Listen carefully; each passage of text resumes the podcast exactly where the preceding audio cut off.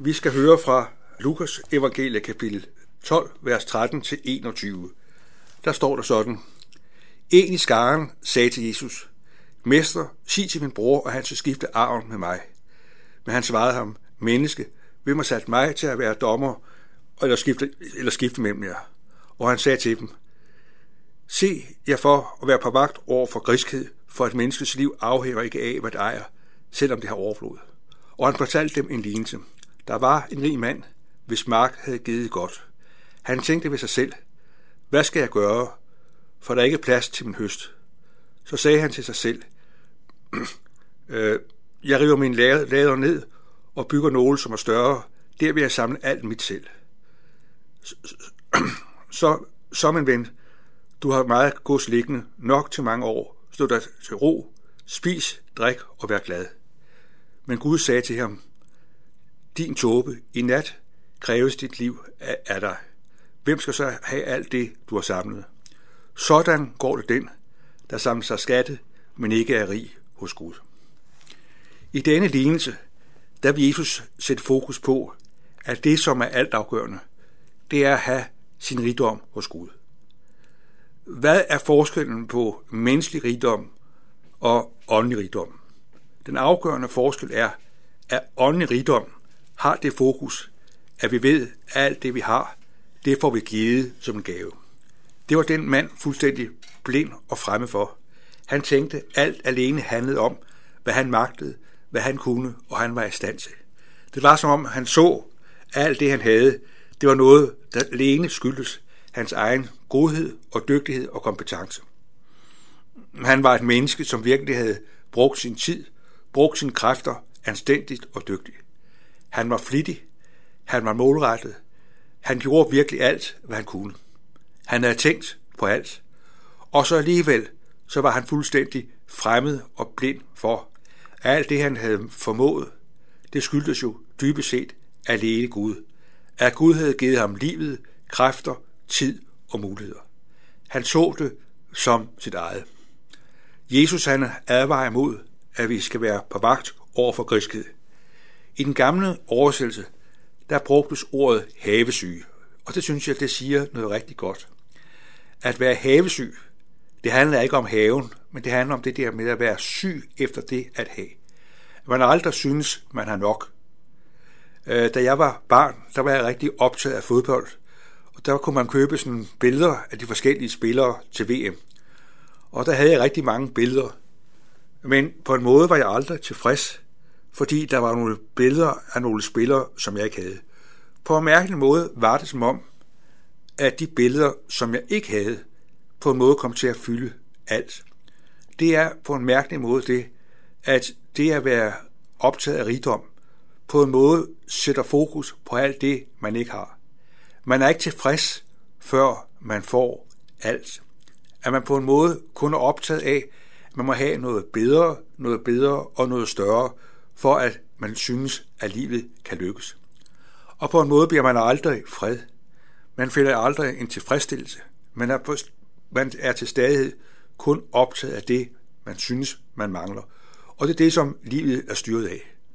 Og vi lægger også mærke til, at i denne mands tilværelse, det er som om, at alt er fokuseret på ham selv, hvad han vil, hvad han skal og hvad han kan gøre. Han har overhovedet ikke syn for andre end sig selv. På en mærkelig måde så er han bundet ind i sin egen tilværelsesforståelse, hvor det hele handler om ham selv, hvad han vil og hvad han kan. På en mærkelig måde er han totalt isoleret.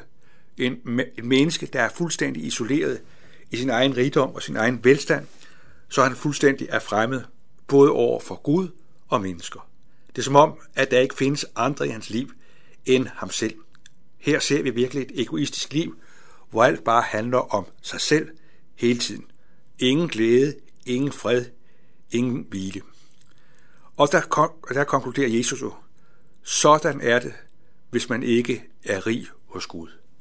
Læg mærke til, at det at være rig hos Gud, det har noget at gøre med en relation.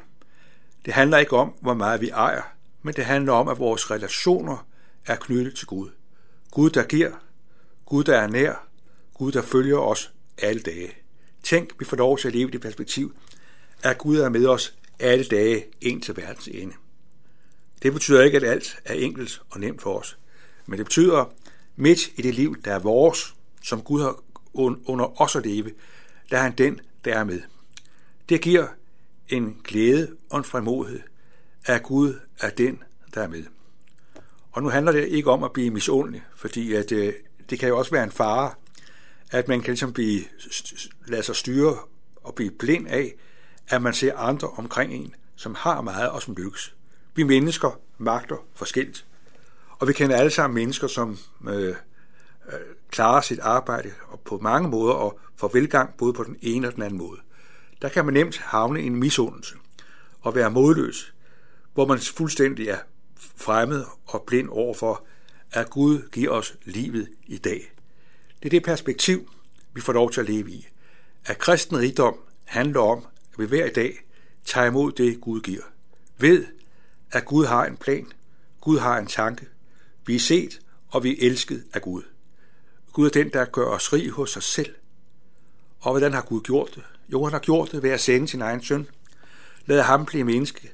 Lad ham gå ind i døden. Lad den, der gik ind og led døden for vores sønders skyld og opstod for, at vi gennem ham skal det liv, der er evigt. Der, hvor fokus er her, der finder vi en hvile, der finder vi en tryghed, der finder vi en taknemmelighed over, at vi er i Guds hænder under alle forhold. Og det gør også, at vi kan glædes over det, andre formår. For alt det, vi har fået, har vi jo fået, for at det kunne blive til gavn og glæde for andre mennesker. Øh, selvom vi kan have vanskeligheder i vores liv, så må vi sige, at mange af os i Danmark har det rigtig godt. Øh, jeg behøver ikke tænke på mad, det får vi næsten hver dag, og mange af os har det jo godt på mange måder. En det perspektiv, at der er en mulig grund til at øh, fokusere på, at ens liv er en gave. Øh, jeg tænker også på, at Paulus taler i 2. Korintherbrev om, at de kristne der bad om at få lov til at være med til at give en gave til de fattige. Øh, hvordan har vi det med det? Skal vi bare have, øh, er det noget, andre skal tilskynde os til?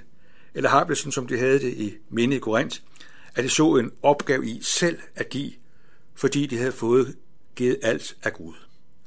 Det gjorde dem til glade og taknemmelige mennesker, som havde overskud til at give til mennesker, som havde brug for hjælp.